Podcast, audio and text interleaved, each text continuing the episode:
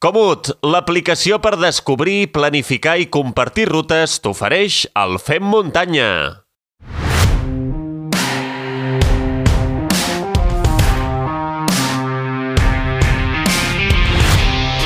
Ara fa 15 dies en el eh, Fem Muntanya 78 ens va acompanyar el eh, Guillem Marchal no van passar per la seva consulta sinó que ens va posar el dia de com va viure des del seu punt de vista la 3 dies Trail Ibiza va ser els nostres ulls i les nostres cames però avui sí que entrem a la seva consulta de forma oficial. Obrim la porta i allà tenim a Guillem Marchal. Què tal, Guillem, com estàs? Molt bones, Xavi, família muntanyera. Escolta, primer de tot, desitjo que hagueu passat un molt bon Nadal, eh? Bueno, de fet, eh, qui més, qui menys, ha passat un Nadal esportiu perquè, doncs, escolta, eh, tota la gent que vaig seguint eh, via, doncs, eh, Comut, eh, doncs la gent no ha parat de fer sortides i, evidentment, com no pot ser ja una tradició, tu i jo, eh, també amb altres amics, eh, doncs ens vam trobar a Can Robert, a Matadepera, per fer la tradicional eh, pujada a la mola per Nadal. Tens raó, donant exemple, oi? Home, s'ha de, De practic de practicar donant exemple, sempre. Exacte, exacte.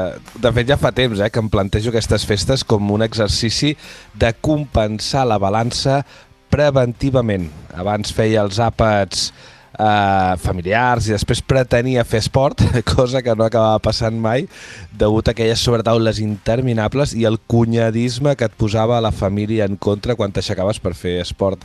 Ara mateix, i ho recomano als nostres i les nostres oients, surto a córrer o en bici, peti qui peti, i amb la feina feta a sec, a la taula, satisfet i content. Doncs és una bona fórmula perquè les taules d'aquestes dates són una, uns sabotejadors eh? de, de plans de, de, la hòstia. Eh? No sé, uh, sí. la veritat és que tinc aquesta sensació, eh, la que estàs explicant, eh? de, ja surts una horeta, una horeta i mitja, fas la teva part d'esport i quan t'asseus a menjar no mires el que menges. Això és fantàstic. És, eh, com seria, no? De, de eh, evitar la, la culpa que puguis tenir de fer excessos eh, calòrics. -hmm. eh, I tu, sí, sí. Guillem, avui com vols acabar l'any fent muntanyero? Doncs sé que, que el més senzill hauria estat fer un refregit de tot el que hem parlat i destacar allò positiu i negatiu que, que m'ha passat, eh, aquelles típiques llistes, eh, i, i, i per això mira, saps què? M'ho guardo per mi, eh, com hauríeu de fer tots vosaltres, per aprendre i millorar del que no ha anat del tot bé i per potenciar allò que aquest any us ha fet estar en harmonia, és a dir, en flow. Uh, com que no faré això, us regalaré una última píndola. No sé què et sembla. Home, una última píndola per parlar de propòsits de cara al 2023, potser o no? No? Ni de broma. No, home, ja m'agrada això, va. A més, eh, ja em van fer un d'aquest tipus de mentalitat. Sí. Vale, vull que anem al pas previ de pensar un propòsit. Vull que observem si ens estem mirant la vida des de dalt o des de baix i que prenguem la determinació de si a partir d'ara les decisions que prendrem seran proactives o reactives. I què vols dir amb això de mirar-se la vida des de dalt o des de baix? Doncs vull dir que si miro les coses des de dalt, les decisions que prenc són tenint la perspectiva completa, permetent-me escollir i prendre millors decisions, mentre que si em miro les coses des de baix, les possibles decisions que pugui prendre se'n venen al damunt gerant-me pressió i angoixa. Això que dius té a veure, potser, no sé, amb la necessitat de tenir el control eh, de, de les coses, mm. de les situacions. Si fa o no fa, però més que amb la necessitat, eh, li hauríem de dir capacitat. I més que amb tenir control, jo diria que em generar les circumstàncies que m'afavoreixin. És a dir, jo puc tenir la necessitat de tenir el control de les coses que m'envolten i no tenir el control, cosa que em generarà pressió i frustració. Mentre que si jo em treballo la capacitat de tenir el control de les coses, assumiré que no existeix el control absolut de res i començaré a crear les condicions perquè cadascuna de les situacions sempre, sempre, sempre em juguin a favor. Ostres, no sé, potser estic espès, eh? però no entenc eh, quina relació té això amb com ens mirem la, la vida, Guillem. Doncs té a veure amb com et relaciones tu amb la teva vida i amb les de les persones que t'envolten. Tota relació es basa en una correlació de forces entre qui exerceix el poder i qui practica la submissió. Llavors, quina àrea de millora ens hem d'aplicar a partir de l'any vinent?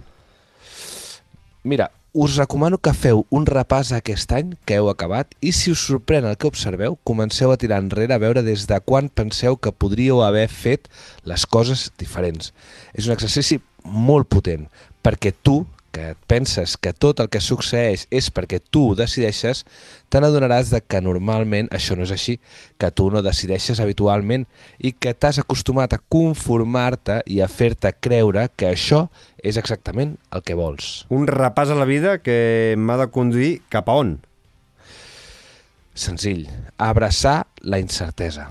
A entendre que no tens el control de res, a veure que hi ha molta gent lluitant per un trosset de control que és una farsa, a deixar de mirar la vida des de baix perquè et converteixes en el ruc de càrrega que arrossega les decisions dels altres i a començar a crear les condicions perquè allò que pugui succeir s'apropi més a allò que vols, que no pas allò que t'ha tocat viure.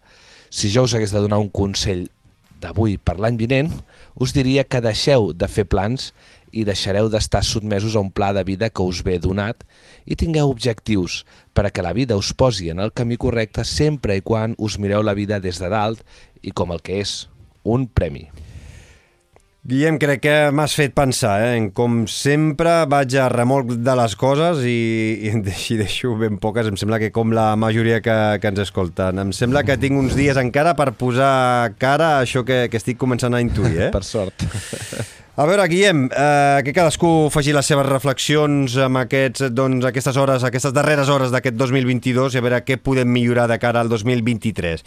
Però abans que marxis, eh, fa 15 dies vam engegar un sorteig eh, per un dorsal eh, de cara al trail del, del Roca Corba el 29 de gener a Canet d'Adri, gentilesa de Clasmarc. Hem rebut un total de 19 correus electrònics i m'hauràs de dir un número de l'1 al 19 i a veure qui serà l'afortunat o afortunada. Doncs acabem, i com que acabem l'any, l'últim número de l'any, no? El 19. El 19, eh, doncs el 19 és la Cristina, que és la darrera persona que ens va enviar un correu electrònic, atenció, el dia 24 de desembre, uh, dos quarts eh, i mig de 5 de la tarda i ens deia Hola, m'agradaria participar a la cursa Trail eh, i l'epicentre de la cursa és Canet d'Adri. Fa poc eh, que he descobert el podcast i el trobo molt interessant, em distraieu mentre condueixo camí de la feina. Moltes gràcies per la feina que feu i per fer-ho en català, Cristina.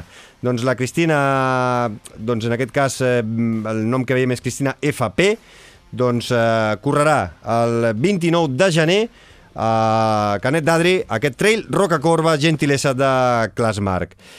Meravellós, molt bé. S'ho passarà molt bé, que entreni, molt encara bé. té unes quantes setmanes sí. per entrenar perquè és, és dura sí. de nassos, eh, trencacames. Sí. Eh, sí. Guillem, com sempre, un autèntic plaer. Desitjo que tinguis una bona entrada del 2023 i que puguem eh, compartir molts quilòmetres plegats. Cuida't, una abraçada molt gran i això, eh, ens veiem d'aquí ben poc. Doncs moltes gràcies a tu, a vosaltres, per seguir escoltant-nos i jo també us desitjo un final d'any que coincideixi amb les vostres expectatives i un any nou ple de meravellosa incertesa. Xavi, fins l'any vinent. Fins l'any vinent, cuida't!